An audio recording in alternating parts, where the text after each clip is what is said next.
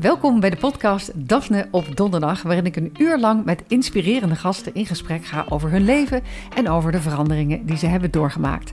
Hoe kun je eindelijk afrekenen met dat veel te kritische stemmetje in je hoofd? Hoe verschilt het vrouwenhart van het mannenhart? En op welke symptomen moet je letten? Wat is duurzaam geluk? En waar kan je dat vinden? Je hoort het allemaal de komende weken in Daphne op Donderdag.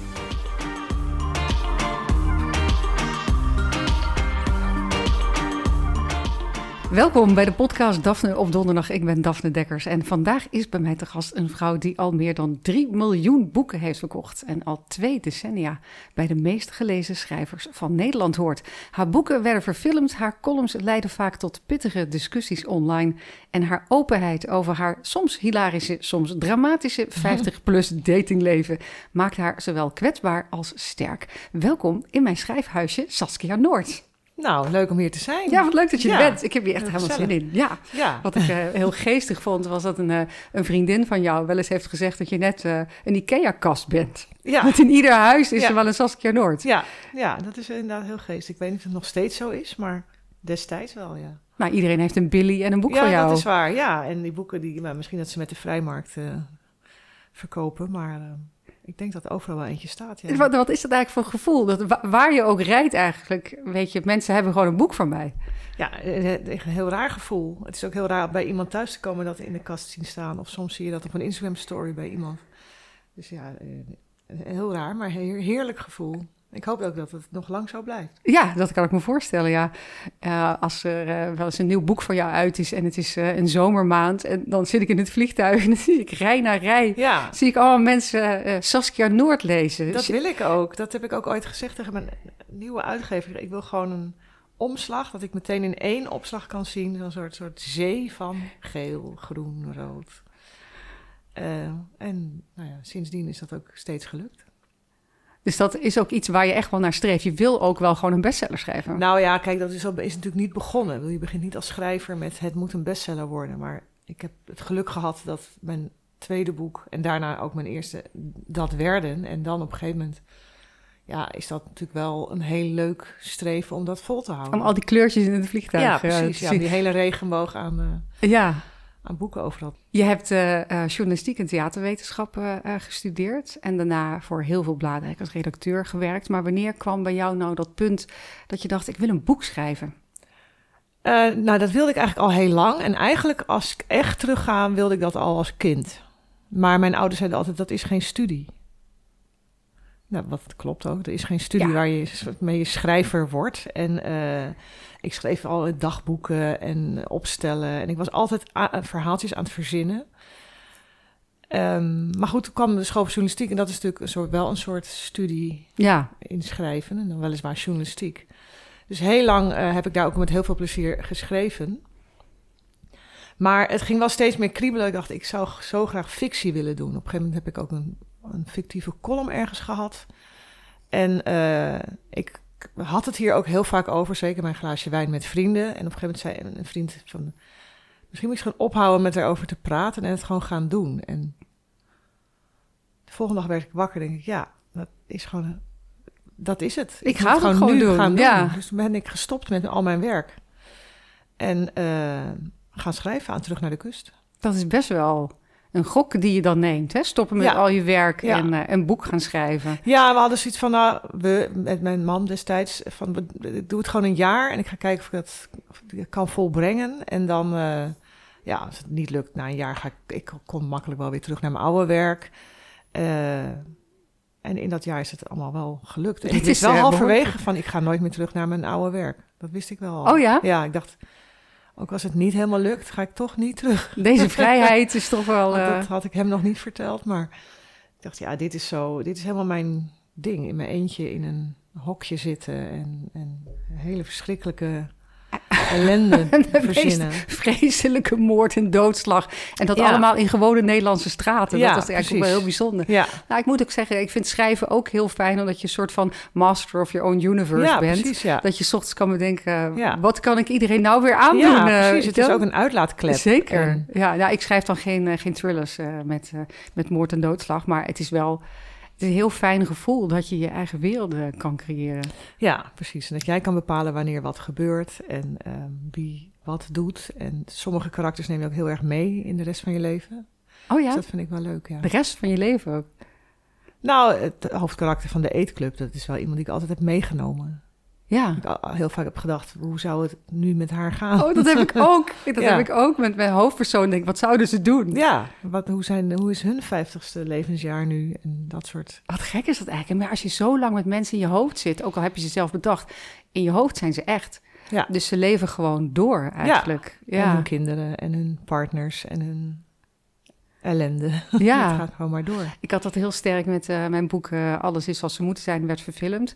En eh, daar hebben ze nu een deel 2 hebben ze van gemaakt. Dat heb ik niet geschreven, Nee. maar hebben ze met mijn hoofdpersoon hebben ze een deel 2 gemaakt. En ik had zo'n cameo in die film. En ik stond in Parijs op die set. En ik zag dus mijn eigen hoofdpersonen dingen doen die ik niet verzonnen had. Nee, en daardoor leek het ja. net of ze verder aan het leven waren. Ja. Ja, heel raar, hè? Ik ja. vond het een beetje een soort out-of-body experience. Dat ik dacht, kijk, daar lopen ze. Ja, Maar ik heb dit niet...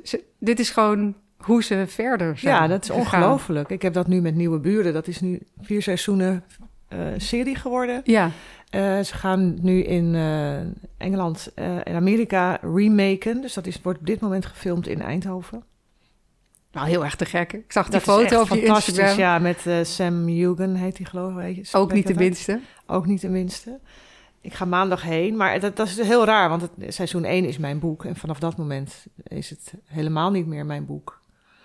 Maar al die, de, de, degenen die nog leven, die het allemaal hebben overleefd, die leven ook maar door. Bij het boek van Saskia Noord weet je nooit wie de eindstrepen gaan Nee, halen. nee, het is precies. altijd... eh er- Nee. er sneuvelen best wat mensen. Ja, Eh, terug naar de kust eh, ehm, was dus jouw eerste boek. En meteen eigenlijk was het een enorm eh, succes. En de eetclub, Nieuwe Buren, de verbouwing, Stromboli, Bonuskind. Nou, eigenlijk alles wat je schrijft wordt of verfilmd en vertaald. En ehm, wat, wat is volgens jou ehm, ja, de succesformule achter al die boeken? Of heb je geen succesformule? nou, ik heb niet een succesformule waar ik zelf heel veel bij stilsta als ik ga beginnen aan een boek. Het is meer, ik, ja, ik word altijd door een soort iets, een thema wat op dat moment in de maatschappij leeft, of een verhaal wat iemand me vertelt, getriggerd tot, ja, als dat verhaal lang in mij blijft, dan denk ik, oh, dat moet ik gaan uitwerken.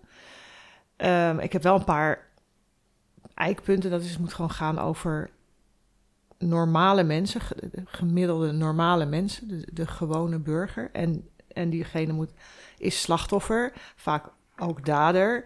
eh, en ook degene die het ehm, liefst zelf oplost.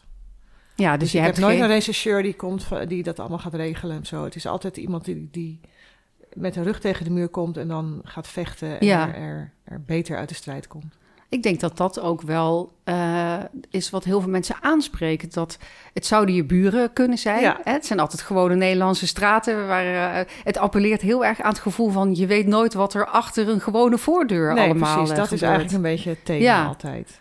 Ik vind het ook wel sterk inderdaad dat je niet... eh, zoals die Scandi's eh, allemaal... eh, allemaal van die hele moody regisseurs... Ja. die allemaal persoonlijke problemen hebben. Ja, En die ja. lossen dan alles op. Maar bij jou lossen de mensen zelf het op. Ja, en soms ook wel gewoon puur toevallig. het is niet allemaal heel Het erg is niet allemaal denkwerk. Het is nee, ook gewoon... nee, het is ook... en ze overleven het zelf ook niet allemaal. Maar ja, ik wil gewoon... Eigenlijk moet je gewoon als je het leest denken... Dit, dit zou mij ook ineens kunnen overkomen. En dat maakt het ook best wel creepy af en toe. Een Ja. vriendin van mij die eh, zegt... Goh, ik lees altijd graag boeken voor het slapen gaan. Maar de boeken van Saskia Noord... eh, word ik altijd een beetje onrustig van. Dan denk ik, wat zouden mijn buren allemaal aan doen zijn? Ja, inderdaad. Ja. Of mijn partner. Of mijn partner, ja. Dat is ook altijd een beetje een angst. Hè? Die leeft bij mensen. Als je nou een nieuwe titel uitbrengt... Hè, heb je dan... ehm, ben je dan nog een beetje zenuwachtig over hoe die ontvangen gaat worden? Of heb je inmiddels al ja, zoveel zeker. vertrouwen? Ja, ja, nee, ik heb niet alle vertrouwen. Ten eerste zijn mijn boeken vaak niet heel goed ontvangen. zeker eh, Door recensies in, in het je? begin, ja. Eh, door de lezer eigenlijk altijd wel. Ja. Eh, maar we leven nu ook in een andere tijd waarin mensen veel minder lezen. Niet, zich niet meer kunnen concentreren.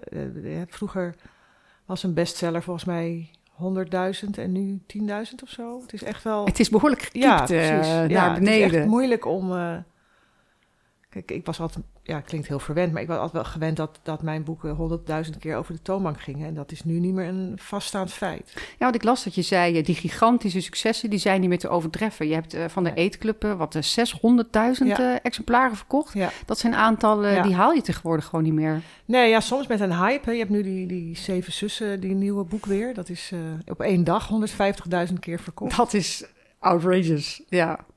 Waarvan ik dan altijd denk, oké, er is dus nog steeds een markt. Er zijn nog steeds mensen die lezen. Je kan het, je kan het zien als een verloedering van de markt, maar ook zien als een positief teken. Dat mensen nog altijd wel een fictief boek willen lezen. Ja, Ehm, de, de consument is er nog. ja, want Ja. het is natuurlijk gewoon heel belangrijk dat mensen blijven lezen. Ja. Je ziet nu die ontlezing op de lagere scholen, dat we slechter lezen dan in andere westerse landen. Ja, dat is best wel zorgelijk.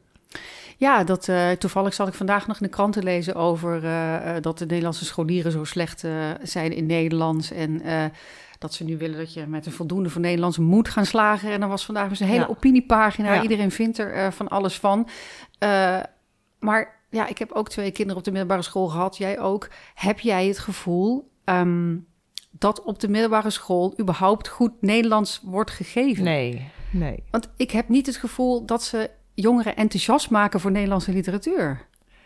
Nee, nou ja, zo, ja. Of überhaupt is- om te het is- lezen. Het is, natuurlijk een beetje stilgestaan, want de, de, gemiddelde boekenlijst is dus nog dezelfde als die ik op de middelbare school ik had. vond dat ook shocking toen mijn kinderen op de middelbare school zaten. dacht ik even, sorry, Ja, daar is de avonden Ja. weer. Het is een goed boek hoor, maar Ja. is er dan eh, Nee, in eh, wat, een- eh, het 40 is- jaar niks het is ook bijgekomen? een heel saai boek. En die kinderen van nu vinden het nog veel saaier dan ik het toen al vond. Dus, eh, en het is natuurlijk goed dat je dat moet lezen, want je leest ook iets over de geschiedenis en over hoe eh, jonge mensen toen leefden. Dat is allemaal belangrijk. Maar ik vind dat er zeker, nou laten we zeggen, een kwart eigen keuze mag zijn. En dat mag dan van een Nederlandse schrijver.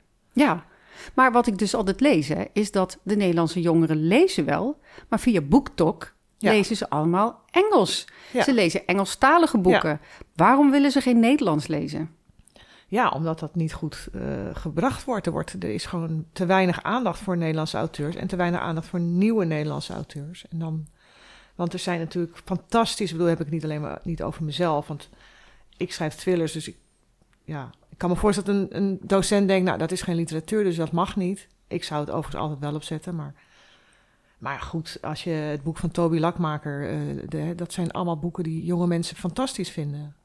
Maar dan moet je wel wat meer gaan pushen. Ik En je moet ze ook aangereikt leuk krijgen. maken. Ja, en daar is de aanslag weer. Ja, Weet je, maar wat mij is opgevallen eh, toen mijn kinderen op de middelbare school zaten, is dat het, eh, het Nederlands ging vooral over eh, tekstbegrip. Ja. Dus over signaalwoorden en alinea's uitpluizen. Ja. En, en, en dan kwamen ze wel eens naar mij, want man, oh, mam, jij bent schrijver, Ja, help me even. dit, ja. Jij snapt dit. En dan moest ik soms die vragen drie keer lezen, dat ik dacht, ik weet niet, wat vraag je hier nou eigenlijk?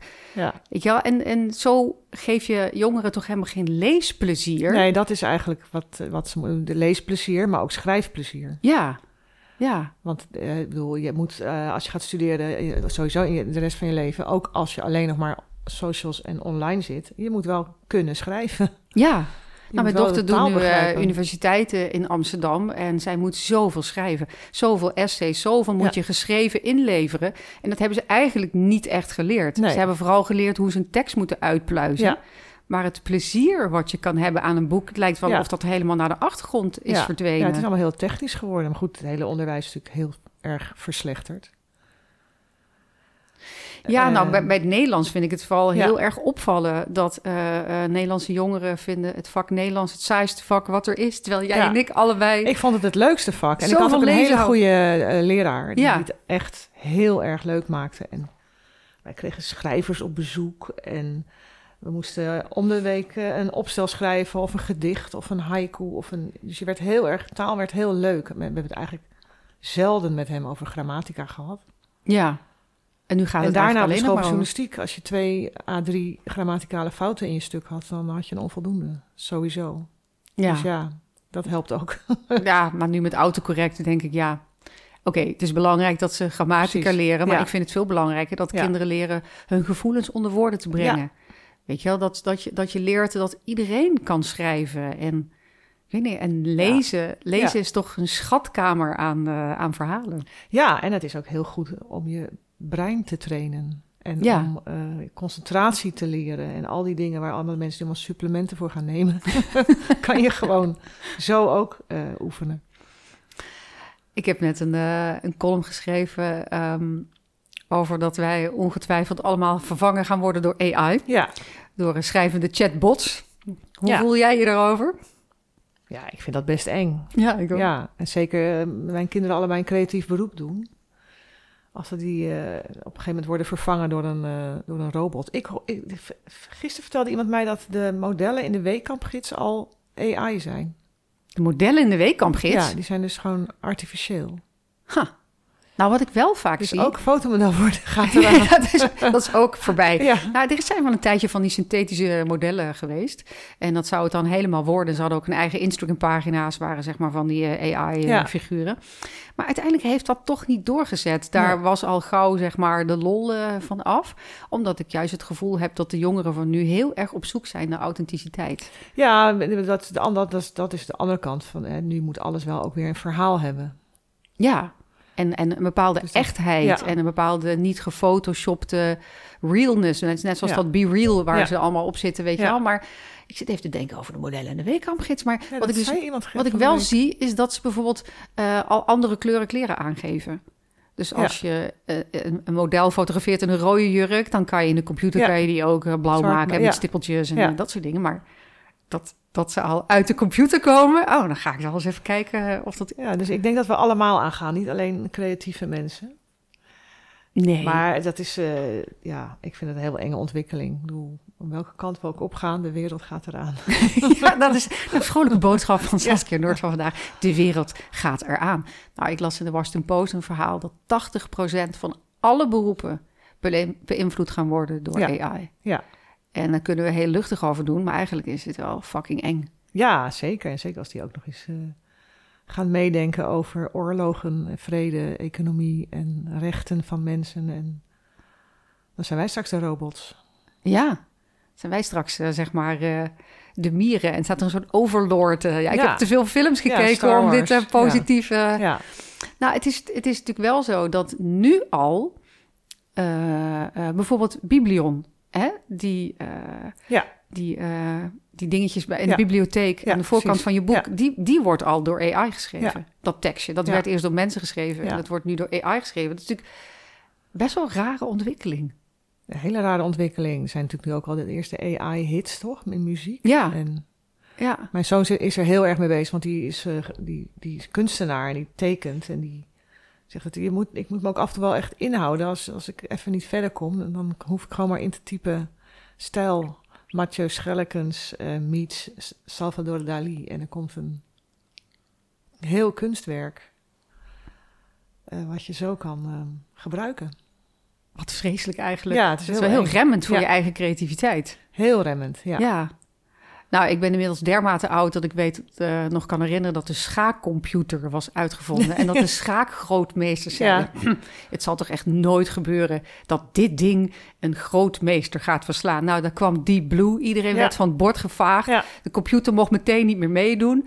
En, ik, en nu zeggen mensen, nou, dat gaat toch niet gebeuren. Tuurlijk gaat dat wel gebeuren. Dat gaat zeker gebeuren. Ja. De studenten schrijven nu al hun essays eigenlijk eh, met eh, chatbots en Ja. zo. Maar wat betekent dat voor ons als romanschrijvers? Nou ja, dat we met pensioen kunnen binnenkort. Shit. ja, ik denk, ik heb het nog nooit naar gekeken, nog nooit uitgeprobeerd, maar ehm, je kan bepaalde ingrediënten erin zetten en dan komt er gewoon een heel eh Saskia Noord thriller uitrollen. Ja, maar wij gaan dat ook niet doen. Uitgeverijen gaan dat doen. Die gaan het zeker doen, ja. Ja. Dus dan, eh, nou, dus daar komt de eeuwigdurende vakantie. jongen, jongen. Alleen niemand gaat het meer lezen, want dat vinden mensen niet meer leuk. Dus laten hun. Dus dat is Ik hoop dat mensen dat niet leuk vinden. Want heb je gezien dat die schrijvers nu in staking zijn hè? in Ja, Hollywood? Zijn ja. die schrijvers in staking? En ik las dus dat ze meer geld willen. En, en, en, en. Maar wat ze ook willen, is dat de filmmaatschappijen ehm, contractueel gaan vastleggen dat zij geen AI gaan gebruiken om hele scripts mee te schrijven. En dat zij Ja. dan op dagvergoeding worden ingehuurd om daar Ja. nog een beetje chocola van te maken. Maar die filmmaatschappijen, willen dat die willen dat niet tekenen. Nee, nee. Nou, wat betekent dat? Dat ze het het van zijn. Ja, nee, dat, maar nou ja, ik denk uiteindelijk niet. Want kijk, die AI wordt ook gevoed weer door wat ooit mensen wel, wat door handwerk. Ja, anders, als het gaat over een stijl van een schrijver. Of, het is ooit, zij leren van ons. Ja, Nog maar op een gegeven moment zijn ze uitgeleerd. Of denk je dat ze bij moeten blijven leren? Ja, maar dan zijn ze uitgeleerd, maar dan blijft, dan blijft het zichzelf herhalen. Ik, bedoel, ik weet niet of ze al zo slim zijn dat ze ook uit zichzelf bijleren of zelf eh, enige creativiteit bezitten. Hmm. Kijk, dan wordt het wel eh, spannend. Op een positief. We gaan een positievere weg in. Hoe zit het met, met jouw creativiteit? Hoe, eh, hoe ga jij te werk? Hoe bedenk jij een plot? Schrijf je eerst het hele plot uit? Of Nou ja, ik doe meestal eh, heb- komt er een soort thema en dan komen daar personages bij. Die, dat gaat gewoon een beetje in een soort flow. Als ik eigenlijk niet aan het schrijven ben, dan zit ik al in mijn hoofd allemaal dingen. Denk ik, denk ik, oh ja, het zou leuk zijn als dit, zo'n soort personage dit probleem ontmoet. En eh, op het moment dat ik die mensen heb en het probleem, dan ga- maak ik vaak wel ook een plot. Maar het is nooit het plot wat uiteindelijk in mijn boeken komt. Omdat ik toch gaandeweg als ik schrijf, Ja. worden ofwel, hè, soms heb ik gewoon een slecht mens van ik denk, oh die is eigenlijk heel leuk. Of ik vind mijn hoofdpersoon heel erg stom of je vindt je eigen zo stom. dus dan, dan draai ik het om, dan wordt iemand Ja. anders. En dan verandert het plot. En ik vind het altijd heel erg leuk om, om op drie kwart eh, te denken, oké, in, in, mijn hoofd gaat het zo eindigen. Maar wat nu als dit, dat, zus, zo. Dus dan, dan komen er ineens eindeloze variaties. Dus je zoekt dan toch naar een eh, verrassende plotwending eigenlijk. Nou, dat doe ik ook wel een beetje om mezelf. Ja, dat is met thrillers. Voor mij is het niet spannend, want ik weet alles al. ja, Dus, dus ik maak het daarmee voor mezelf spannend. Oké. dus dat je... Dus dat dan- is voor mij. Dan, dan- en eh, nou ja, dan, dan bedenk ik een aantal variaties en dan test ik dat op, eh, op, mijn, op, op een proeflezer. Van, wat denk jij waar het nu heen gaat? en je wil Wie eigenlijk... heeft het gedaan? En dan Ja. als die zegt, nou, die, denk ik, oké, dat, Dan doen we dat, dat dus moet- niet. Ja, precies. Dat oké. ja, dus je wilt dat het altijd wel verrassend blijft. Zoveel mogelijk. Als dat Ja. echt eh, de, de drijfkracht is van het boek. Ik heb ook wel eh, thrillers geschreven waarin je eigenlijk vanaf moment één al weet wie het heeft gedaan. Maar dan is de spanning zit dan in een ander element. Ja, van hoe wordt het opgelost of hoe komen Ja, ze erachter? waarom, Of, eh, of- Ja, ja. Ehm, wat mij opvalt is dat jij heel vaak de tijdgeest heel goed lijkt aan te vullen, eh, voelen. Dus als het dus MeToo is, dan Ja, heb jij daar een, ja. een verhaal over. Of, ehm, of plastische chirurgie, of, Ja. eh, of een vechtscheiding. Of, dus dat is iets wat je bewust opzoekt. Nou, het is meer. Ik ben natuurlijk ook journalist, dus ik ben altijd wel bezig met de tijdsgeest en wat er leeft. En dan. eh, dus het is niet van ik denk, oh, het moet de tijdgeest zijn. Ik weet ook niet of mijn nieuwe boek echt een tijdsgeest zit. Maar ehm, ja, het gaat een beetje vanzelf. Ik denk dat, en dat komt volgens mij door mijn journalistieke interesse, doordat ik altijd wil dat die mensen echt in de tijd van nu, zoals terwijl ik het schrijf, in Ja. deze tijd leven deze mensen. Met de van- issues van nu. 30 Ja. jaar geleden. Of eh, het is geen historische roman. Het is ook niet in de toekomst. Het is gewoon wat. En in dit geval, mijn nieuwe boek gaat over Karen. En dat is de hoofdpersoon van de Eetclub. En die heeft. De Eetclub is 20 jaar geleden. 10 jaar 20 geleden heb ik Debet geschreven. Dus dat was zeg maar het vervolg daarop. Mhm. En nu zijn we weer tien jaar later. En ik ging gewoon op een gegeven moment, omdat zij altijd met mij meereist. eh denk, goh, de kinderen van Karen zijn nu ook volwassen. En ook de kinderen van de rest van de eetclub. Ja, Wat doen die kinderen allemaal? En toen ontstond bij mij natuurlijk van alles. ja. Eh, dus dit boek gaat echt over, de, het heet ook De Nazaten. Dus nu is er een thriller waarin vooral de kinderen van de eetclub een grote rol spelen. Nou, want als ik het zo hoor, denk ik, daar zit nog wel wat. Daar zit zeker Daar zit wat, nog ja. wel wat. Ja, het zijn Iedereen, allemaal eh, kinderen die zijn natuurlijk in hun jeugd behoorlijk eh, getraumatiseerd. Ja. En eh, ze zijn heel erg verwend, want er was altijd geld. En hoe gaan die nu hun volwassen leven in? Ik heb het gevoel dat de doden vallen. ik heb zomaar het gevoel. Kunnen. Zou zomaar kunnen. Er zijn er niet heel veel over, maar Hmm, ik ben heel erg benieuwd. ja. Eh, jouw boeken worden vaak verfilmd. Ehm, dat is natuurlijk geweldig als je boeken verfilmd worden. Maar je schrijft ook filmische boeken. Dit is, eh, heb je als je een plot aan het bedenken bent, heb je dan al eens iets van, ehm, hmm, dit zou ook wel als een film kunnen werken? Of als ik het zo schrijf, werkt het als film? Of... Nee, daar denk ik niet aan. Eh, ik ben wel, toen ik ging schrijven aan mijn eerste boek, ben ik ook. ik, ik werkte al een tijdje freelance bij een, een, hoe heet zoiets, een scriptwriterbureau waar we werkten aan de Duitse versie van Medisch Centrum West. Dus daar heb ik veel geleerd over, over script schrijven. En daarna eh, heb ik nog een cursus erbij gedaan. En toen heb ik hier en daar wel meegedacht in writers' rooms. Dus ik denk wel dat dat zo diep zit Ja, het filmische zit wel in dat jou. dat er wel al echt in zit. Maar gek genoeg, iedere keer als ik een script schrijf en daar iets mee wil, dan zeggen ze allemaal, ja, hmm. dan voldoet het allemaal niet aan de eisen van... Pas als het af is als boek. en dan ineens willen ze het wel hebben, dus dat is heel gek. Maar ehm, ja, het, ik denk dat het gewoon mijn stijl is. Ja, dat, ik, ik heb laatst een beetje hetzelfde gehad. Ik had een plot bedacht voor een, eh, voor een boek wat ik graag wilde schrijven. Maar omdat ik eerst dit non-fictieboek wil schrijven, dacht ik, weet je wat, Ehm, laat ik het aanbieden als filmidee. Ja. Als, eh, en dan, ik had het een beetje uitgewerkt in een soort 15 pagina's en dit en dat. En de, filmmaatschappij had ook zoiets van, ah, ja, kan je niet eerst een boek van maken?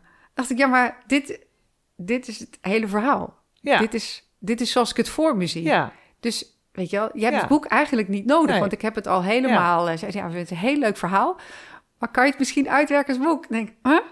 Je, dit is toch Eh, een ja. boek? Ja.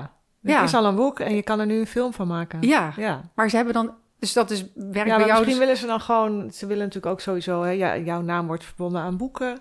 Het is gewoon een marketingding. Ja, misschien wel. Ik weet het niet. Ehm, Ik, heb, ik heb voor de NPO eh, ehm, met Oscar van Woensel... echt een krankzinnig spannende thriller-serie geschreven. Eh, omdat ze een Scandi-serie wilden. Ja. En toen we daar eenmaal zaten, hebben ze het toch afgewezen. Want dat was te donker. ik dacht, Bestaat dat ook nog, Huh? te donker? hè? Veel donkerder dan al. heel donker. Ja, maar die Scandinavische dingen zijn allemaal heel donker. Dus ja, we hadden meer een Saskia Noord-achtige serie. De opdracht was heel donker. Ja. Ja, ik vind het soms best wel veel werk, hè? TV-series en, en films. En dan denk ik van, god, misschien had ik deze energie allemaal gewoon in het schrijven van een roman. dat is eh, wel wat ik nu steeds meer denk, ja. Ja, van ik ga gewoon roman schrijven, Ja. dan, eh, dan verkoop ik ze vanzelf. Ben je wel eens minder blij geweest met een verfilming? Dat je dacht, hm, nou, hm, niet helemaal. nou, het is natuurlijk verfilmingen zijn altijd. nou, soms- ik ben er meestal wel blij mee, maar het is wel altijd eventjes eh, wennen, omdat ze gewoon je boek heel erg veranderen. Het verhaal wordt veranderd, wat ik wel begrijp. Want dat is een andere vorm van storytelling ja, is het, ja. ze willen gewoon niet dat iedereen al weet hoe het eindigt, die het boek heeft gelezen. Ehm, ik weet, ik vond de Eetclub verfilming toen die viel me wel echt tegen, omdat het zo niets te maken had met hoe ik het helemaal voor me zag. Weet je, het had, naast dat ze allerlei dingen hadden veranderd, was het gewoon hier en daar echt slecht, vond ik. Dat vond ik heel jammer. Ja, dat kan goed, dat vond iedereen. Dat bleek ook wel uit de recensie. Ehm, maar ja, dat was eigenlijk wel de enige van ik dacht, het is heel jammer. Er waren hele goede acteurs, de locaties waren top. Dat- Daar kan je gewoon meer uithalen. Ja. Nou ja, ik heb met films altijd een beetje dat ik denk, ja, als het een hele goede film wordt, kan je zeggen, ja, het boek was natuurlijk gewoon heel goed. Als Ja. de film niet zo goed wordt, kan je zeggen, ja, Het boek is beter. het was ja. beter. Ja. Je can't lose eigenlijk. Nee, je kent Loes. Nee, precies. Nee, maar het is inderdaad, eh, wa- wa- wat ik veel zie, is dat ze wel personages bij elkaar vegen of locaties veranderen. Omdat, ja, een boek is een paar honderd pagina's en, en een, een script is wat, eh, Ja. eh, 120 pagina's, eh, nou, max al. Ja, Meer eh, tussen de 90 en 120. Dus ja, ze moeten dingen eruit laten en versnellen of verkorten. Of, en ja dat, daarom vind ik series veel leuker. Want Ja, dan heb je veel meer tijd. uitpakken. Ja, dan, dan kan je- kunnen er ja. dingen bij. dan kunnen er dingen bij. Ja. Ja. Bij is eigenlijk fijner dan eh, dat ze dingen eraf gaan zitten laten. Ja. Ehm Stromboli, eh, je boek wat eh, dus net verfilmd is. Ehm, Mhm. Daarin heb je twee heel persoonlijke thema's verwerkt. Ja. Ehm, laat ik eens met het thema echtscheiding eh, beginnen. je beschrijft hoe je hoofdpersoon gaat scheiden en eh, daardoor vrienden verliest. ja. Waarop jij in interviews zei dat komt uit mijn eigen leven. Want Ja. toen ik ging scheiden, was dat ook zo. Ja, Waarom verloor je vrienden toen je ging ja scheiden? ik, nou ja, het gek is dat iedereen die is gaan scheiden ooit, eh, dat ook zegt dat ze dat zo herkenbaar vinden. Want ehm, als, meestal zijn je vrienden dan allemaal stellen. En veel stellen vinden een scheidend stel in hun vriendenkring heel bedreigend. Omdat het, heb ik zelf toen ik nog getrouwd was ook meegemaakt. Want hè, als echt goede vrienden gaan scheiden, krijg je al dat. Als vrouw weet je verhalen van je vriendin. Als man weet je de verhalen van je vriend. En daar ga je dan samen over discussiëren. En je neemt allebei een standpunt. Dus dan krijg je op een gegeven moment hun ruzie. Wordt jouw Wordt- ruzie. Jouw ruzie. Ja, Dat hebben wij ook een paar keer gehad. En heel veel mensen denken van, ik, ik wil gewoon niet... eh, eh, ik denk vooral als je huwelijk niet zo heel lekker gaat... dat je daar niets mee te maken wil hebben. dan komt het er dichtbij. Ja, en daarna krijg je het eh, ja, klassieke verschijnsel... dat als je ineens alleen bent als vrouw... ja, willen ze je ook niet over de vloer. Want Oh, Ben je bedreiging? Ja, Dus vooraf en is dat het... zou iedereen zelf ontkennen, maar dat is wel, denk ik, in onbewust de reden waarom je. Ik was gewoon, ik bedoel. Ik was echt iemand die. Wij gaven feesten, etentjes. Ik kookte voor iedereen. Iedereen was welkom, altijd. En ineens kom je er dan achter dat, je, dat er allerlei feesten zijn waar je niet wordt gevraagd. Je bent gewoon niet meer uitgenodigd. Nee. En er was niet, wij hadden geen scheiding waarin ik allerlei vreselijke dingen had gedaan of zo.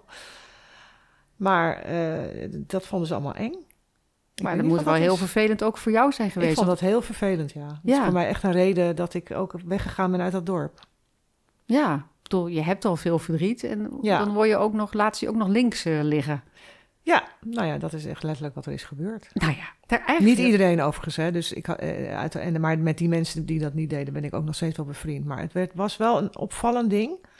En ik heb dat een paar keer later bij andere vriendinnen die gingen scheiden teruggezien dat het precies zo ging. En heb je je toen voorgenomen, eh, als het bij mijn vriendinnen gebeurt, dan Ja, ben nee, ik er wel ben- voor. Ik ben er natuurlijk altijd, ja. En, maar goed, ik ben nog steeds alleen. Dus dat geeft heel veel eh, vriendinnen met een vervelend huwelijk. Ben jij de, de ultieme uitgang. praatspaal? Ja, maar dat is, dat is ook zo gek. Dat merkte ik toen ook. Dat andere vrouwen met wie het niet zo goed ging in hun huwelijk... die kwamen ineens wel langs eh, om te kijken van... Wat, hoe overle gaat zij dit overleven? Ja, Of ze willen allemaal ja, juicy eh, dating stories eh, natuurlijk weten. ja. Dus, dus, het is, ja. dus het is van twee kanten. op mensen, het is echt een steen in de vijver in een vriendengroep, een scheiding. Wij, het, die groep waar ik toen mee omging, eh, gek genoeg is daar nu, zijn nu nog twee stellen van bij elkaar. De- ja. Dus uiteindelijk klopte mijn voorspelling dat iedereen ging ineens scheiden. Ja, het, het was inderdaad een Dus- steen in de ja, Dus die precies. gevoelens die er waren, hm, als ze mijn vrouw maar niet op ideeën brengt, dat waren eigenlijk wel een beetje terechte gevoelens. Ja, dat denk ik wel, ja. Ja. Ja. Dus het is wel heel gek als je nu denkt aan die hele groep, dat al die mensen uit elkaar zijn. Ja. Ehm, het tweede thema eh, is een eh, zwaarder thema. Ehm, Mhm. dat van verkrachting. Ehm Stromboli opent ermee. En eh, je bent de afgelopen jaren zelf ook open over geweest. Je werd eh, op 14-jarige leeftijd eh, verkracht op een feestje Ja. door een, een oudere buurjongen. Ja. Daar hoeven we niet al te specifiek op in te gaan. Maar sinds je het verteld hebt en eigenlijk bent blijven vertellen, zijn er een, een aantal wonderlijke dingen gebeurd, vind ik. ik. Ik zou het eigenlijk wel gewoon victim blaming ehm, willen noemen. Ja. Want toen je bijvoorbeeld te gast was in, in Zomergasten, toen zei iemand van, ach, je gaat het toch niet weer over hebben, hè? Ja, Want eh, anders krijg je dat stempel van, oh, daar heb je die verkrachte schrijver weer. ja. Wat, wat is dat voor, voor rare... Ja, ik denk dat het het andere ding is waar mensen gewoon liever niet over praten of niet over willen horen. Of dat. Is dat ook een steen in de vijver? Ja, zeker. Ja, absoluut. En het is iets wat. Ja, er zit gewoon nu niet meer zo, natuurlijk, met dank aan MeToo. Maar er zit een enorm taboe op. En eh, het wordt ook. Het is het enige waarvan je eigenlijk legitiem victim blamen dat dat. dat, dat ja, je gaat niet tegen iemand die zijn been breekt zeggen: ja, maar had je maar niet. Nou ja, hoewel, als je van een dak afspringt. Misschien kan je dat wel Ja, doen. er zijn dingen, Maar maar... in dit geval is het natuurlijk. Je krijgt altijd een discussie over wat is verkrachting. Hoe, al die discussies die je zelf als slachtoffer al eigenlijk in je hoofd hebt gevoerd met jezelf, die ga je dan de hele tijd weer herhalen. En Dat is eigenlijk wel interessant wat je net zegt. Dat, dat verkrachting is eigenlijk iets wat victim blaming oproept. Ja. Want het begint meteen bij het slachtoffer. Wat Ja. had je aan? Ja, Wat heb je gezegd? ja, waar was je? En waarom was je daar? Heb je gedronken? Ja. Terwijl laatst werd die gast, kom even, Robert Doornbos, werd, eh, op zijn hoofd geslagen omdat ze Rolex gestolen moest worden. Ja, Dan gaan mensen ook niet zeggen, goh Robert, ja. waarom draag je eigenlijk een Rolex? Ja, waarom zat je daar eh, in die taxi s'avonds laat? Had je gedronken? Had je een- met je Rolex. Dus Ja. dat is, wa- wat is dat voor reflex als het over verkrachting gaat? Nou ja, kijk, sowieso gaat verkrachting over iets seksueels. Dus vinden mensen al, worden ze al snel een beetje ongemakkelijk van. Dan heb je nog je dierbaren die zich meteen heel rot voelen, want die hebben je niet kunnen beschermen of niet. Het, het roept gewoon in iedereen allerlei emoties op. Ja, veel ongemakkelijke Eh, emoties. je- je- ja, veel ongemakkelijke emoties. Dan heb je natuurlijk heel veel mannen die zich op de een of andere manier gelijk identificeren met die dader en ook daardoor een soort indirect beledigd zijn, terwijl het gaat niet over hun. Dus die voelen al... Bij inbrekers hebben ze dat nou nooit. Nee. Nee. nee, het zijn ook vaak mannen. maar Ja, Dat hebben ze niet, nee. Nee, en dan, is het, dan krijg je het volgende van, ja, maar het is wel een heel zwaar woord, want dat is natuurlijk een zwaar woord. ja, het is ook een zware misdaad. Ja, Ah. klopt. Maar goed, daar is ook ja, de, de- die discussie. Ik vind het überhaupt heel gek dat sinds MeToo heb je natuurlijk, we hebben heel veel goede dingen bereikt. Mhm. Het is een gesprek, mensen praten erover. Er zijn mensen veroordeeld, ontslagen. Maar de andere kant is dat victim blaming nooit meer zo groot is geworden als dat het nu is. En Ja. dat je iedere keer als ik iets post, ik altijd wel een paar reacties krijg. Maar, oh ja, die verkrachte wijf. En ja, dan gaat ze weer, je zeker over je verkrachting praten. Dat je denkt, Dat is echt schokkend, hè? dat is echt Want schokkend. een traumatische gebeurtenis. Het heeft je leven op een bepaalde manier veranderd. Ja, Je bent niet meer de persoon die je daarvoor was. nee. En als je er iets over zegt, dan, heb je haar weer. Ja. Met een verkrachtingsverhaal. Ja, Ja. daar heb je mij weer. Maar ja. Wat, ja, en het- ik heb daar natuurlijk ook een doel mee. Ja. Want ik wil dat gewoon taboe eraf hebben. En ik wil dit steeds weer opnieuw op de agenda zetten. Omdat, het ook, omdat de cijfers aan het toenemen zijn ook. Dat stond laatst weer in de krant. Eén op de negen studenten Ja. wordt verkracht. Ja. Eén op de negen. Ja, En dat, gaat, dat vinden we allemaal een soort van normaal. en, en bijna niemand doet aangifte. Wat- Omdat ze de- hier bang voor zijn. Voor deze reacties. Ja, ja. Ik bedoel, jij bent een bekend persoon. Je Ja. hebt je uitgesproken. En jij krijgt al de wind van precies. voren. Ja, Alsof, alsof jij iets aan je verkrachting kan doen. En ja, vooral maar- over maar moet daar, zwijgen. daar vinden dus veel mensen wel van. Want dat is natuurlijk altijd ook het ding van... waarom heb je toen niet aangegeven? Waarom heb je toen niet gezegd? Je krijgt hele gekke discussies. Dat ik denk, ik bedoel, Je was veertien. Kijk even naar jezelf. Kijk hoe jij reageert. Hoe denk je dat een 14-jarig kind Ja, dit gaat vertellen aan jou, terwijl jij nu al zo'n oordeel hebt? ja, precies. Ehm, ik las dat je zei, eh, de enige manier om iets te veranderen is om erover te praten. Ja, Maar ja, als je erover praat, ja, dan gaat er een grasmaaier over je Ja. heen. ja. Ja, er zijn heel veel, eh, en gek genoeg ook veel vrouwen, dat vind ik dan ook zo, die voelen zich er ook op de een of andere manier ongelooflijk aangevallen of zo door dit soort verhalen. Is dat een projectie van angst of zo? Want uiteindelijk denk ik, alle vrouwen zijn toch bang als nou ja, het is angst. het is ook in het hoe ga je ermee om? Want dat, ik heb daar toen een hele discussie over gehad. Ook, want Katja Schuurman had ook op een gegeven moment in een talkshow gezegd van... ja, nou ja, als dat al verkrachting is, dan ben ik wel 69 keer verkracht. Of, Wonderlijke uitspraak. toen dacht ik, nou ja, ja, want misschien is dat wel zo. Ja, Hè, maar verkrachting is niet iets van hoe je, erin, hoe je in seks staat. Het is niet dat iedere seksuele benadering een verkrachting is. Dat zegt helemaal niemand. een verkrachting heeft ook eigenlijk niet met seks te maken. Nee, helemaal niks. Weet je wel? Seks zou iets leuks Ja. moeten zijn. Een verkrachting is een, is een criminele daad. Ja, Maar mensen associëren het vaak met seks of zo. Ja, het is ook seks, maar het ja is... en het eh, begint eh, bijna, nou ja, niet bij- in mijn geval, maar het begint vaak natuurlijk ook wel met seks. Omdat de meeste verkrachtingen gebeuren gewoon tussen mensen die elkaar kennen in één ruimte. En zijn een uitmonding van eh, een poging tot seks. Ja, en dat denk ik jaagt mensen ook angst aan. Ja. De verkrachter die in het donker steegje op staat te wachten, Ja, die is eng. Maar het Ja. gegeven dat de, de meeste vrouwen worden verkracht door iemand die ze kennen, dat is natuurlijk heel eng. ja.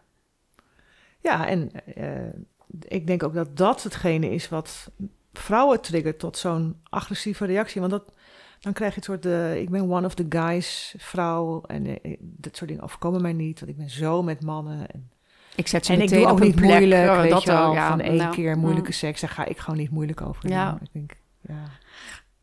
Ik krijg er altijd En een beetje, beetje jeuk van. Dat Ja. ik denk van ja, maar het feit dat jij zo'n stoere meid bent... dat je iedereen van je af zou slaan en terecht zou wijzen... dat maakt niet dat andere vrouwen daar niet heel erg onder geleden kunnen hebben. Dat, Nee, dat is een individuele belevenis. En ik, ik geloof dat ook niet. Ik bedoel, ja, kijk, sowieso reageert iedereen anders op een, zeg maar, op agressie, want dat is dit.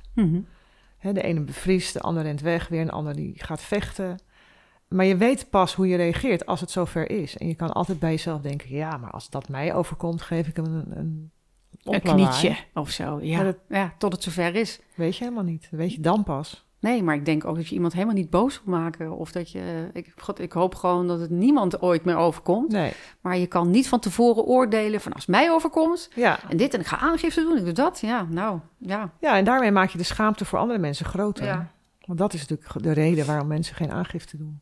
Nou, je zei het net al even, en eh, daar ben ik het helemaal mee eens, is dat eh, die Me- MeToo-discussie eh, heeft aan de ene kant veel goede dingen opgeleverd, hè, dat dingen ook wel benoemd mogen worden, maar aan de andere kant eh, heb ik wel gemerkt dat mannen het vrij snel naar zich toegetrokken Ja. hebben. Zo van, ook mag ook niks meer zeggen, Ja. en een beetje flirten zit er niet meer in, Ja. en ik durf geen complimentjes meer te geven, terwijl het daar dus helemaal niet over gaat. Nee, en het werd al heel snel, werd het, we zijn me too moe. Dat ik dacht, ja, Wie is er nou hier precies MeToo-moe? Volgens mij zijn de slachtoffers MeToo-moe. ja.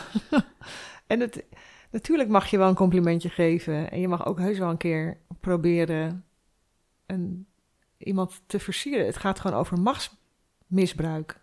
En Max ongelijkheid. Ja, en, Ja. en als jouw vriendin of vriend of heel veel gedronken heeft... dan lijkt het me logisch dat je die naar huis helpt en daar niet op gaat liggen.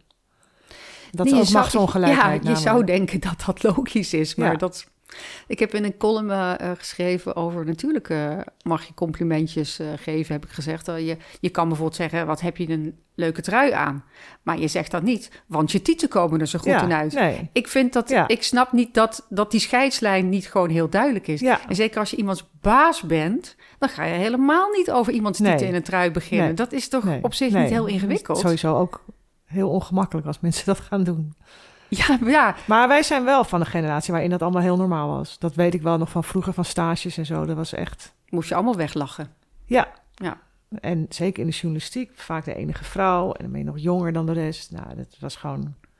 Ik heb dat ook later moeten leren. Ik leer eigenlijk nu nog steeds van mijn dochter. Die zegt nog steeds bij sommige dingen... Nou, wat die man tegen jou zei, kan echt niet. En dan denk ik, huh, hoezo niet? En zij moet mij dat dan echt uitleggen. En ik, oh ja, Oh dat is ja. wel heel gek eigenlijk dat hij dat zegt. Dus ik heb eigenlijk wel hoop voor de jongeren van nu. Want ik merk het ook aan mijn eigen dochter. Die is ook heel erg geopinieerd en goed gebekt. En die heeft zoiets van, eh, eh, maar dit kan je niet zeggen. Ja, En soms is dat best wel vermoeiend. Dan denk ik Ja. van, goh, weer, eh, gaan we weer uh, toonpolicen, zeg ja maar. precies. Maar ja, ze wijzen je wel Ja. op, op dingen, vind ik, de jonge generatie. Dat je denkt, verrek, ja, Ja. zo kan je dat dus ook bekijken. Dus ik heb daar wel hoop op, Ja, op de nieuwe generatie. maar hoe was het dan toen jouw eigen dochter 14 werd? Had je toen niet een soort kramp? Ja, dacht, heel oh erg. Maar toen kregen we ook natuurlijk meteen een hele ingewikkelde relatie. Omdat ik was heel panisch daarop. En zij was een enorm wilde puber. Dus die wilde je uit. En die eh, liep al... Ik, ik, bedoel, ik heb haar ook... Ge, hoe noem je dat? Victim, zij ging ook wel eens in een minirok het dorp in. En dat ik zei, nee, nee, nee, nee. Je gaat nu een spijkerbroek aan doen. Dat, dat is niet de... de dat, dat ben ik niet zelf die dan praat. Ik, bedoel, ik vind dat iedere vrouw in ongeacht welke kledij dag en nacht de straat op moet kunnen. Ja. Maar toen ik haar zo zag gaan, dacht ik echt, jeetje joh, dit, ja, maar je was getriggerd. ja, Dat is jouw oude pijn. Ja. Ja. En da- daarom heb ik ook op een gegeven moment besloten om het haar te vertellen, wat mij is overkomen. En dat kwam bij haar toen, nou het kwam wel aan, maar het was ook wel zoiets van, oké, lang geleden en hoezo zegt dat iets over mij? Maar het, het, het gaf wel iets meer begrip. Iets meer Maar kaderen. ik, ja. ja, ik heb geen oog dicht gedaan in die periode. ik kan me dat goed voorstellen. Omdat het is bijna een soort herbeleving. Ja, en ik wist wel van, ik of wist, ik dacht echt wel van mezelf, als haar zoiets overkomt, dan sta ik echt niet voor mezelf in.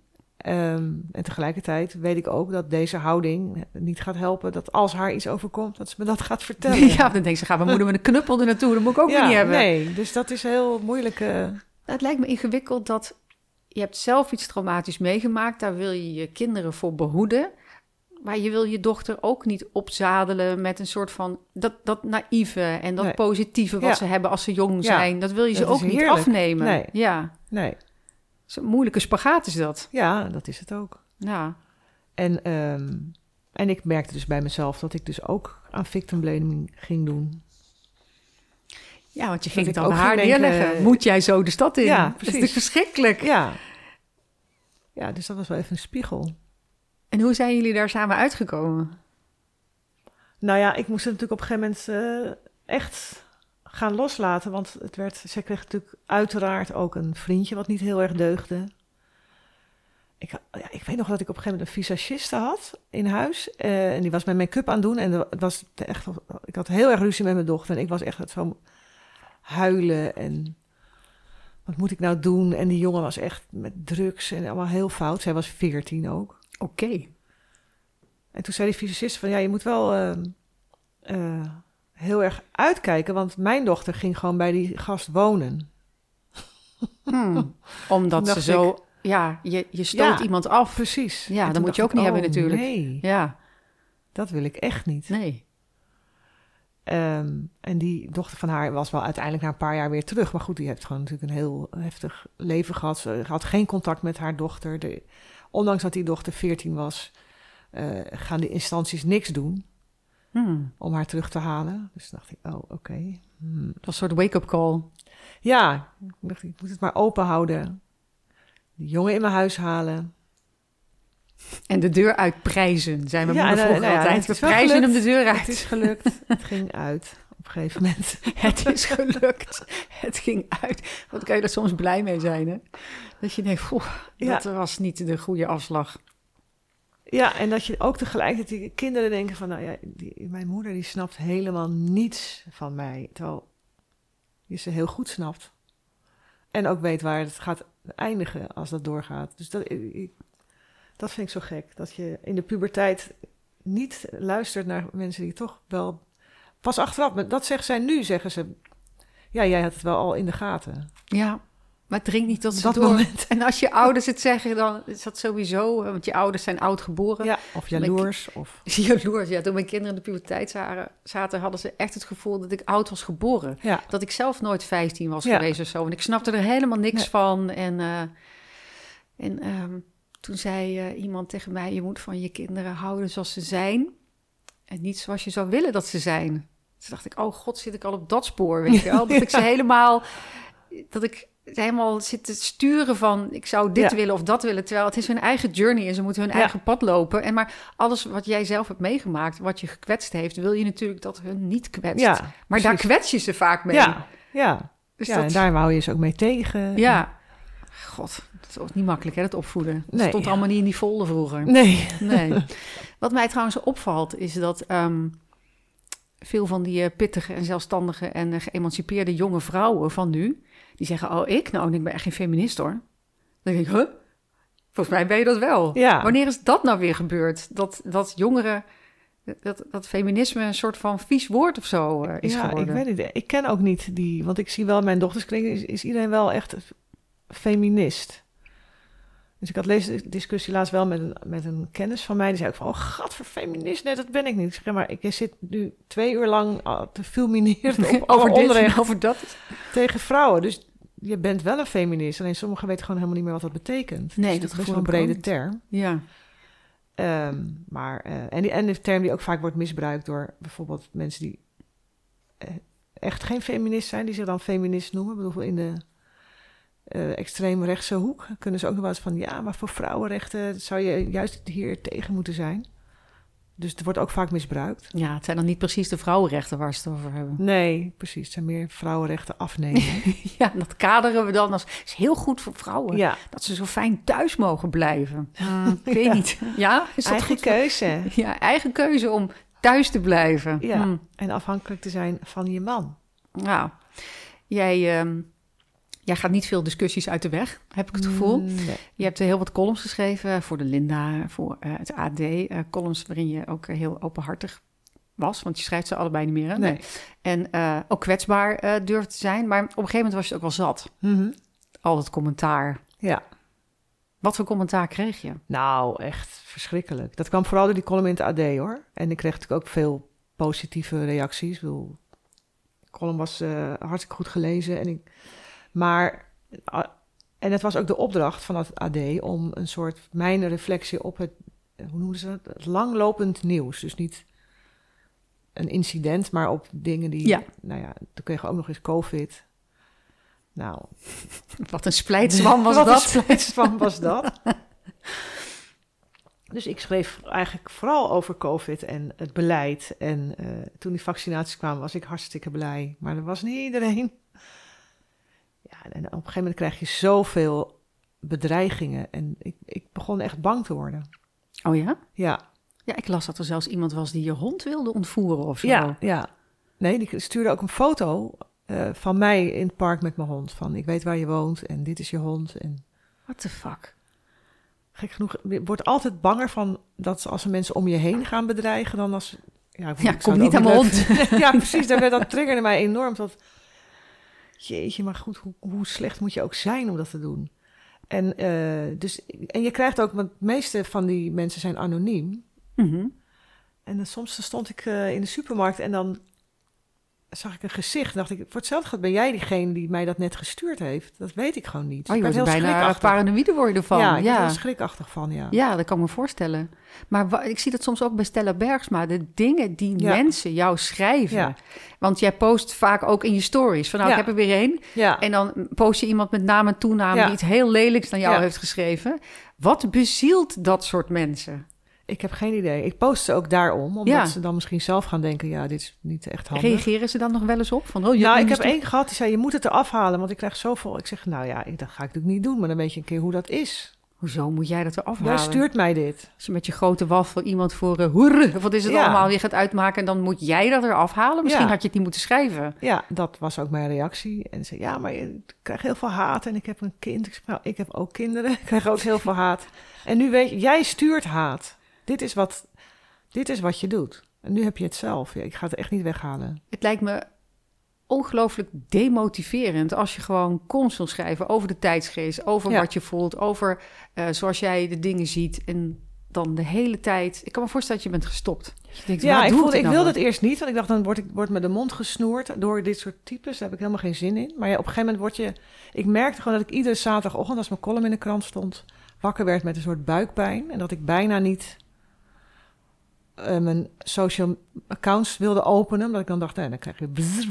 Gaan we weer, ja. gaan we weer. Nou ja, er zitten ook altijd weer hele leuke reacties tussen. Dus die wil je dan weer wel zien. En, en dan had ik mijn hele weekend had ik zo'n heel doem, doemig, zwaar gevoel.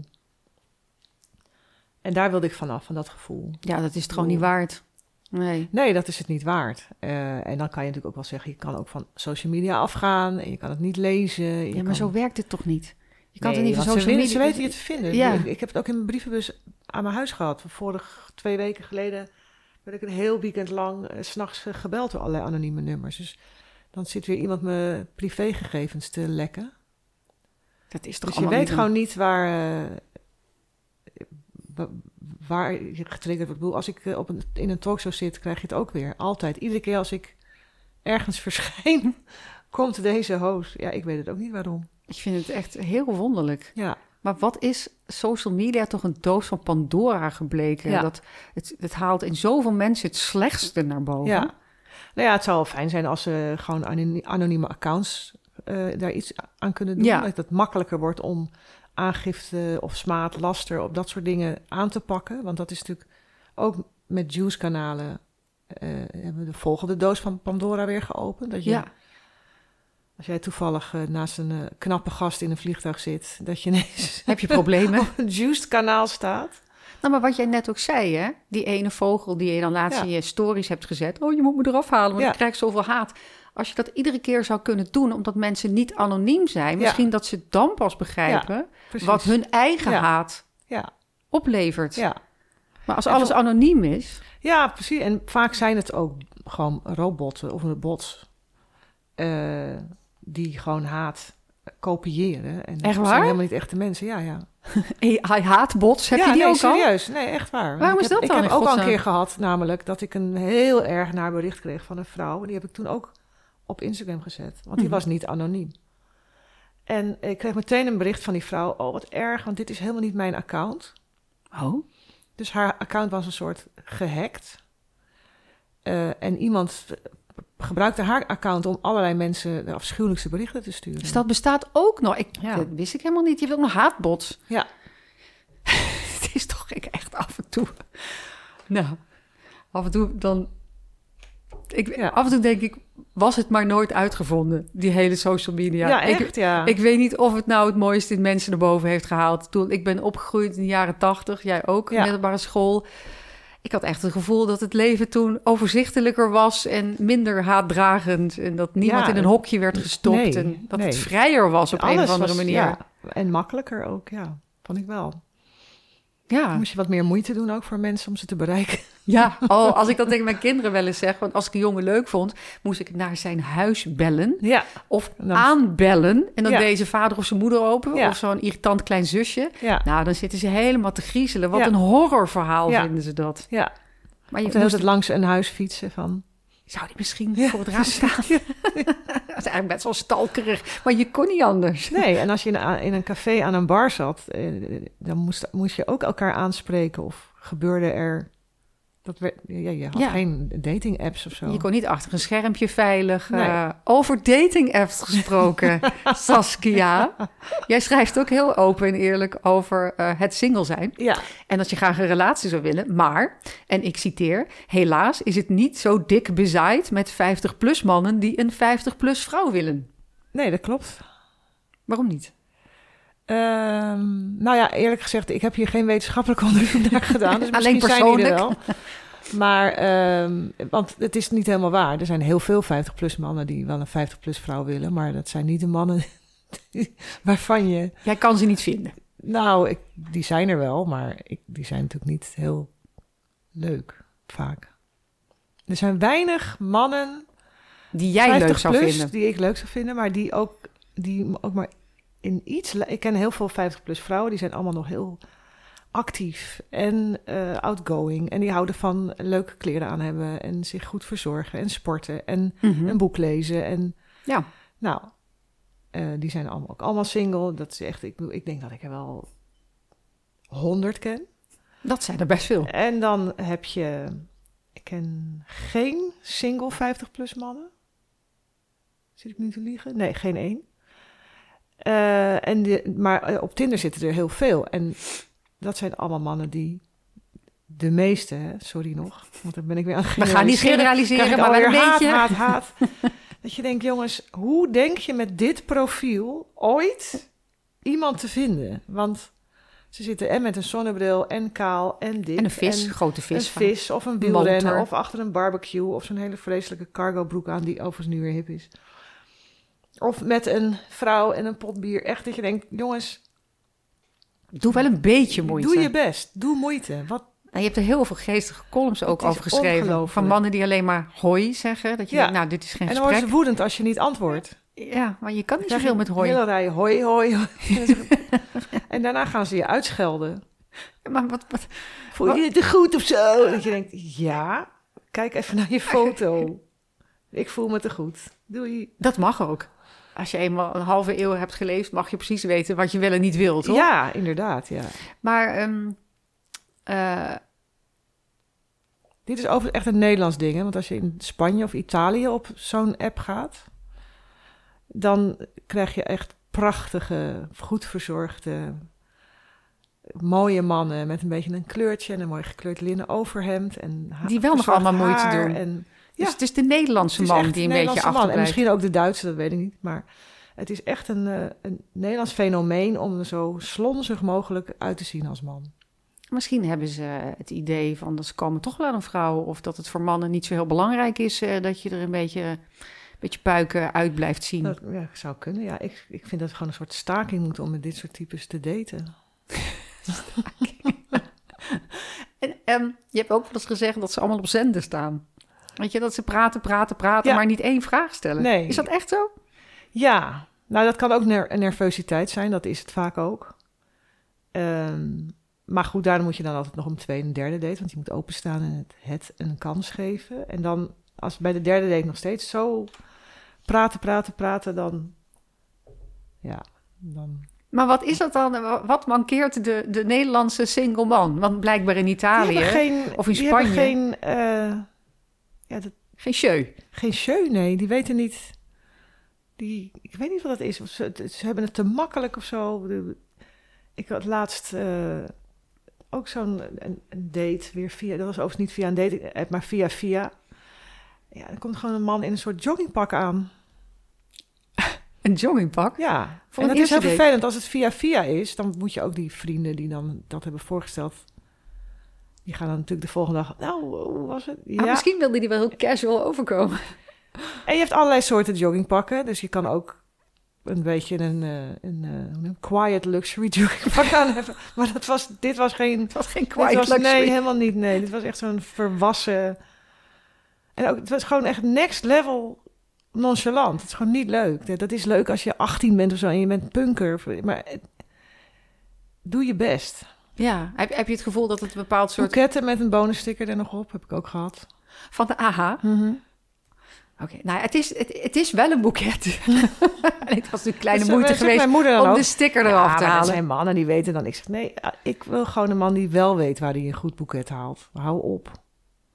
Nou ja, weet je wel, op een gegeven moment dan eh, ken je jezelf en je weet wat je wil. En jouw Ja. ervaring is dus dat, er, dat het een bepaalde eh, ongeïnteresseerdheid is in hoe ze zich kleden of overkomen. Of de, of, Ja, en ik zou dan zeggen onzekerheid misschien. Laten we dat een positieve...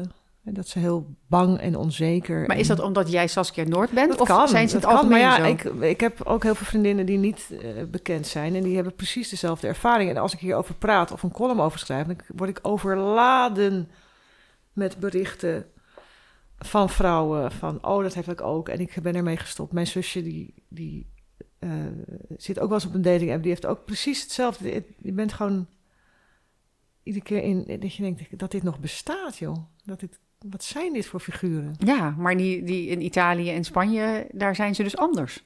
De meeste wel, ja. Ja. Ja. En ik begreep ook eh, dat je ook geregeld kans hebt van jonge mannen. Tot Ja, afgrijzen dat is, dus van het, je kinderen. dat is het allergekste. En dat zullen ook denk ik wel veel vrouwen beamen. Ehm, ik zit overigens al een tijdje niet meer op dating apps, maar je krijgt altijd heel veel likes van jong. En met jong bedoel ik echt onder de 30. dat is Goed, inderdaad die jong. denken gewoon, eh, ja, die is bekend. Of die denken, eh, ik, op een oude fiets. Of eh, Nee, joh. bucketlist, werk. ja, misschien bucketlist, maar niet een oude fiets. Kom op. Nee, maar goed, dat is echt. En dan krijg je daarna krijg je 62 plus. En daartussen Zit niks. zit echt niks. Nee. Dus de, de veel oudere heren, die zien jou ook wel zitten. Ja. Maar En- en de die jonge nou, eh, heren. wel leuke kleren aan hebben. niet Olivier B. Pommelen. ik moest wel lachen dat je laatst eh, zei dat je dan, eh, nou ja, dan lig je maar in bed en dan denk je, weet je, ik heb gewoon een heerlijk leven. Ja. En ik citeer, ik ben vrij en blij. Ja. Geen gesnurk aan je koppen. Geen Ja. man die met je door Duitsland wil fietsen. Dan moest ik zo hard lachen, want mijn man snurkt namelijk wel. Oh. En ik ga met hem door Frankrijk fietsen. Oh ja, nou ja, dat bedoel ik. Ja. Dan loop je dan weer mooi mis. ja. En je gaat ook nog graag naar festivals. Ja. Maar Saskia, kan dat nog wel op jouw leeftijd? Ja, dat wordt ook vaak gezegd. ook nou, vaak ik, heb wel eens, ik moet wel eerlijk zeggen dat ik dat- dat ook wel eens afvraag. Ehm, kijk, bij Lowlands heb ik het voordeel dat ik vaak word geboekt als schrijver. Dus dan kan je daar zijn. Omdat Dan je ben je er al, Ja, ja. dan ben je er al. Maar ik, ik hou heel erg van live muziek. En tegenwoordig is dat vooral op festivals. Dus Mhm. ja, je kan ook naar Paradiso. Maar in festival heb je er gewoon Ja. 40 in één keer. En het is gewoon een, een heerlijke wereld waarin je even verdwijnt in waarin je niet een leeftijd hebt of niet iemand bekend. Het is gewoon Je gaat Ja, op in de- de massa de eigenlijk. perfecte Ja. wereld vaak. Ja. Ik ga niet naar hele grote festivals hoor, maar en het is heel erg leuk met mijn vriendinnen. Wat we al jaren doen we dat met elkaar. Eh, zitten we in een huisje en eh, gewoon ja, het is als ik zelf naar kijk denk ik wel eens, hmm, kan dit nog wel? Komen die 55-plussers Gewoon doen. ja, de jongeren vinden het irritant. Van dan heb je ze weer. Ja, maar dat is dus helemaal niet zo. Nee? Iedereen vindt het enig. Oh. Het is, en A, zijn er best wel veel eh, oudere mensen. Soms komen wel eens van tent en denken, oh, we gaan daar staan. Er zijn meer ouderen. We gaan even het grijze hoekje staan. maar ik heb nog nooit gehad dat iemand dacht, "Hè, wat doen jullie hier? Gadver. Is dat niet ook een beetje iets Nederlands? Want ik heb altijd het gevoel dat in, uh, in, in Spanje bijvoorbeeld gaan mensen uh, op, tot op hogere Ja. leeftijd nog naar de clubs. Ja, zeker. Maar als je naar de pasje gaat op Ibiza, dan zitten daar ook gewoon 75-jarigen met hun familie. Die vinden dat gewoon leuk. Ja, die vinden met hun kinderen, kleinkinderen. Je Het moet het leven ook wel een beetje blijven vieren, toch? Nou, Ja. dat is ook wel zo. En dit jaar dacht ik voor het eerst, moet, moest ik dan maar niet gaan. Toen dacht ik, ja, maar straks ben ik 60 en dan kan je misschien helemaal niet meer gaan. Dus ik ga gewoon nog, zo- zolang ik het leuk vind en volhoud, ga ik daarheen. Ja. Ik, ik sta daar echt niet stijf van de drugs. Ja, maar waarom ook niet? Weet je, wel? ik, ik heb hier in mijn podcast ook een vrouw eh, te gast gehad. Eh, zij is uh, poolreizigster, een poolonderzoeker. En die is ook eh, 60. En die ging nog met een hele zware slee. trok ze nog in er eentje Ja. op de skis die hele Noordpool over. Ja. Ik denk, als je dat op je 60ste mag doen, dan mag Ja. je toch zeker ook van een fucking festival. Hou eens vind op. ik ook, ja. En, en skiën en al die dingen. Ik, ik, vind het vaak een beetje deprimerende gedachte dat je dat allemaal niet meer mag of zo. Of dat het raar zou zijn. Ja, zes Ik heb ook nooit dat gevoel van dat ik 56 ben, heb ik nooit. Totdat Nee. iemand een keer Maar waarom ook? zure doos rijdt. Hij is zure oude tak. Denk je, dat? en soms kijk je wel eens in de spiegel dat je denkt, "Mm, ja, hier zit wel, dit begint al. Maar het zit niet in je hoofd of zo. Dat is niet zo- zoals je, ik voel me gewoon heel fit. Ik vind dat het leukste wat er is, dus waarom zou ik het niet doen? Ja, maar zeker. Ik bedoel, ik eh, ben een nieuw boek aan het schrijven, De kracht van ouder worden, waarin ik eh, heel eh, informatief van alles wil schrijven over ouder worden, maar zeker vooral ook een beetje geestig. En ik heb daar net een heel Amerikaans boek over gelezen, over The Aging Brain. En die hersenonderzoeker die zegt daarin dat als jij het gevoel hebt dat je jonger bent, dan ben je het ook. Ja, Want dan is je brein ook jonger en je lichaam is fitter. Ja. En, eh, het gaat ook om het gevoel wat je hebt. ja, precies. Weet je wel? En niemand eh, eh, die heeft invloed op jouw gevoel. Ik bedoel, als jij 56 bent en je wil een festival zien en, en je voelt je fit en sterk en je hebt daar zin in. Weet je, wel? je hebt ook mensen van 30 die compleet zijn ingedut. Ja, Weet je, dus je leeftijd, ja, ik weet niet. Wat merk jij van ouder worden, van de leeftijd? Nou ja, het enige wat ik echt merk is dat je. Van het weekend een fotoshoot voor mijn boek, die overigens hartstikke mooie foto's zijn hoor. Maar dat je af en toe naar die. Hè, dan krijg je zo'n scherm waar dan iedereen zegt: Oh, een mooie foto. En dan, denk je, dan kijk je naar je hoofd en denk je. hmm, Ja, het is, Oké. ja, maar het is ook allemaal hyperscherp, hè? is iets anders dan eh, tien jaar geleden en dan- zeker dan twintig jaar geleden. Maar, ja, maar de eh, camera's van nu zijn zo scherp. Je ziet Ja. echt iedere haar uit je neus komen. Dus eh, het menselijk oog ziet het helemaal niet zo scherp, denk ik Ja, altijd dus, daar, dus soms vind ik hem wel. Ik vind het uiterlijk vind ik soms moeilijk. Ehm, maar dat zeg ik, maak ik nu. Dat is niet heel zwaar moeilijk of zo. Ik zal, ik doe, ik, ik schuw echt eh, een spuitje botox niet of zo. Maar ik zal nooit echt extreme dingen aan mezelf laten doen. En ik ga ook niet ineens zeven dagen naar de gym om desperately een strak jong lijf te houden. Want het is een gevecht wat je nooit gaat. Nee, maar de zaak een beetje leuk, eh Ja, fris op de onderhouden. rit houden, Ja, dat is toch gewoon normaal? Ja. precies. Dat Ja. wel. Ja. Nou, ik heb, ik heb tegenwoordig echt meer hulpstukken dan een stofzuiger, weet je. Ik heb dan een leesbril. Als ik naar een concert ga, heb ik oordopjes in. Ja, Weet je, Een tandvleesgel. Oh, wel. echt? Is dat ook? Ja, zo'n tandvleesgelletje. dat- Ik vind dat echt perfect werken. Omdat ja, eh, alles zakt omlaag, maar je tandvlees trekt omhoog. is het Oh, toch? oké, ja, ja, ik tandvlees is echt top. Oké. Ik heb Wel, ik heb implantaatlenzen, dus ik hoef geen bril meer. Oh, je hebt dat eh, al van die lenzen genomen. Oh, dat is dan, eh, oh, dan krijg je een nieuw eh, horenvlies of zo? Wat krijg je? Ja, het is eigenlijk een staaroperatie. Oh, fijn. Zonder staar. dus je krijgt gewoon een hele nieuwe lens in je oog. Dus ik Je hebt geen bril lezen. meer nodig. Nee, Ja, ik zie die nog heel braaf met een... eh, ik zou dat heel eng vinden, zo'n operatie. het is heel eng, maar het is echt eh, fantastisch. Want ik ben zo blij. Ik was altijd brillen kwijt. En dan Ja, moest ik ergens een lezing geven. En dan je moet en een bril hier hebben en een bril voor de, ik Voor de zaal, Helemaal ja, gek. ja. Ik dacht, ik moet het gewoon... maar is het niet dat je s'avonds een beetje heloos eh, Nee, ziet? ja, in het begin, maar dat heb ik niet meer. Oh, dat heb je niet meer. Nee. Oh, ik zou wel, ik zou wel eng vinden, nieuwe lenzen. Ja, maar het, het- ik vond het doodeng. Maar uiteindelijk was het een operatie van per oog kwartier. En dan moet je, dan heb je één nacht zo'n lapje op en de volgende dag doe je het af. En dan denk je, denk je hé, En alles is ik helder. kan de gebruiksaanwijzing van de televisie lezen. Wauw. Ja, het is echt fantastisch. Ja. Hmm. Nou ja, En dat zit hier vlakbij. ja ik, ik weet niet of ik het zou, eh, ik weet niet of ik het zou durven. Ik heb trouwens wel nu een polsbrace van het type. Heb jij? eh, Ja, ik heb echt last van. Heb je dat niet van je hele leven schrijven? Last van je nek? Of, ja, mijn eh, nek wel, ja. Ik ga ja. wel heel veel naar de fysio. Ah. Ja. Want Simone van de Vlucht zat hier in het vorig seizoen. En eh, die, die typte ook een beetje zo eh, half achterover liggend in een ook. stoel. Met, Ja. oh ja? Hoe. Hoe, hoe schrijf jij? Ik, als, ik schrijf aan mijn boeken altijd op Ibiza. En dan, ik heb een tuinbank. En daar heb ik allerlei soort soft speciale kussens. Dus daar lig ik in. Ja. En mijn computer ligt op een stapel kussens voor me. Dus ik schrijf eigenlijk dan zo. En dan krijg ik geen last van mijn nek. Ja, dus je, je ook eigenlijk een beetje Dus het liggend. is liggend, ja. Ja. ja. ja. misschien moet ik dat ook maar eens... En eh, een andere collega die is nu staand gaan schrijven. Dus op een heel hoog bureau. zodat je Ja, en dan kan je rechtdoor ook kan... staan op een soort... Jezus, En ondertussen train je dan je me echt zo relaxed. Of op een fiets.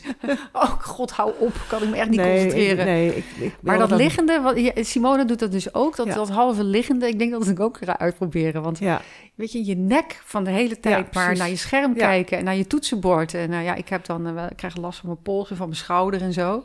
Dus ehm, ja. ja, ik kan wel zo'n dode arm hebben. Zo'n, als ik lang schrijf. Vooral mijn linkerarm, die wordt dan helemaal wordt helemaal koud. dooie, geen koud, ja. Ja, het is zo'n zwaar beroep, hè. Ja, het is een zwaar beroep. Dan heb ik nog als laatste vraag. Wat vind jij het meest positieve van ouder worden? Ehm, Er viel een Nou, hele lange stilte. ja, nee, ik, ik vind eigenlijk het meest positieve dat het me steeds minder interesseert wat andere mensen vinden van mij. Of dat, dat, dat wat jij net zegt over festivals of zo, dat, Mhm. wat natuurlijk zelf ook wel eens denk, kan het nog wel. Maar het interesseert me eigenlijk niet wat andere mensen daarvan vinden. Zo'n bevrijding is het. Dus dat heb ik ook met. ehm, ik word zelfs heel boos als me dit soort dingen worden opgelegd. En vroeger had ik misschien zelf die denkbeelden ook wel. Want ik heb tien jaar lang van mijn dertigste tot mijn veertigste bijvoorbeeld badpakken gedragen en, en geen shorts. Want dan vond ik mijn benen te lelijk. Wat, die zijn nu nog duizend keer lelijker. Maar nu doe ik dat allemaal weer aan. Want nu denk ik, ja, Fuck dat. het interesseert me echt Ja. geen hol wat mensen ervan vinden. En je vindt jezelf altijd maar... Ik bedoel, toen ik heel mooi was, vond ik mezelf veel lelijker dan ik me nu vind. Terwijl ik in principe ouder ben.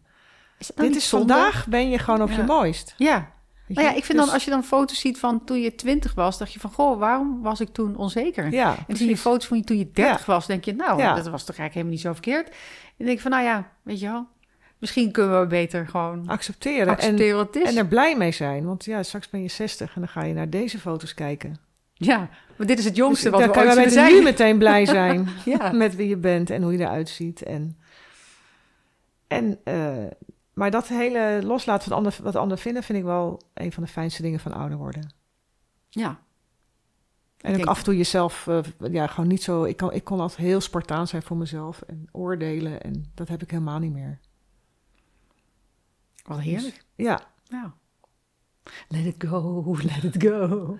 ja maar dan heb je dat niet als je dan weer op Facebook zie je dan weer, dan staat er weer. De, de- op je veertigste kan je dit niet meer en dat. En dan mag je geen korte mouwen aan. En dan moet je zulke broeken. En ik denk, dat is dan de Saar die dat schrijft. Ik denk, wat, wat leg je vrouwen allemaal op? Weet je, alleen in babykleertjes staat een leeftijdsaanduiding. Ja, en alle precies. andere kleren Ja, niet. Nee. Weet je, en ik vind sommige dingen me ook minder staan dan vroeger. Maar weet je, als ik iets wil aantrekken, dan trek ik het gewoon aan. Ja, Ik heb eh, toch best wel wat gezeik gehad als ik dan een bikini-foto postte Ja. in de zomer. Dan dacht Ja. ik van, maar ik heb gewoon een bikini aan. Dit is Ja. niet een soort statement Nee. ik hier aan het maken ben. Nee. Ik heb gewoon een bikini aan. ja. Wel? En eh, ja, op een gegeven moment denk ik, ik ben niet een halve eeuw geworden om eh, er nog veel van aan te trekken Nee. wat andere mensen vinden. Nee, precies. Nee. En al die dingen er wel te doen die je nog wil doen, die misschien niet bij je leeftijd horen, maar ja, who cares? Ja. Ik- Dat, dat, dat soort begrenzingen moet je jezelf niet opleggen. Nee, ik ben helemaal mee eens. Dankjewel. Je luisterde naar Daphne op donderdag in gesprek met bestseller-auteur Saskia Noord. Haar nieuwste boek De Nazaten is zojuist verschenen en is overal verkrijgbaar. Bedankt voor het luisteren en tot volgende week bij een nieuwe aflevering van Daphne op donderdag.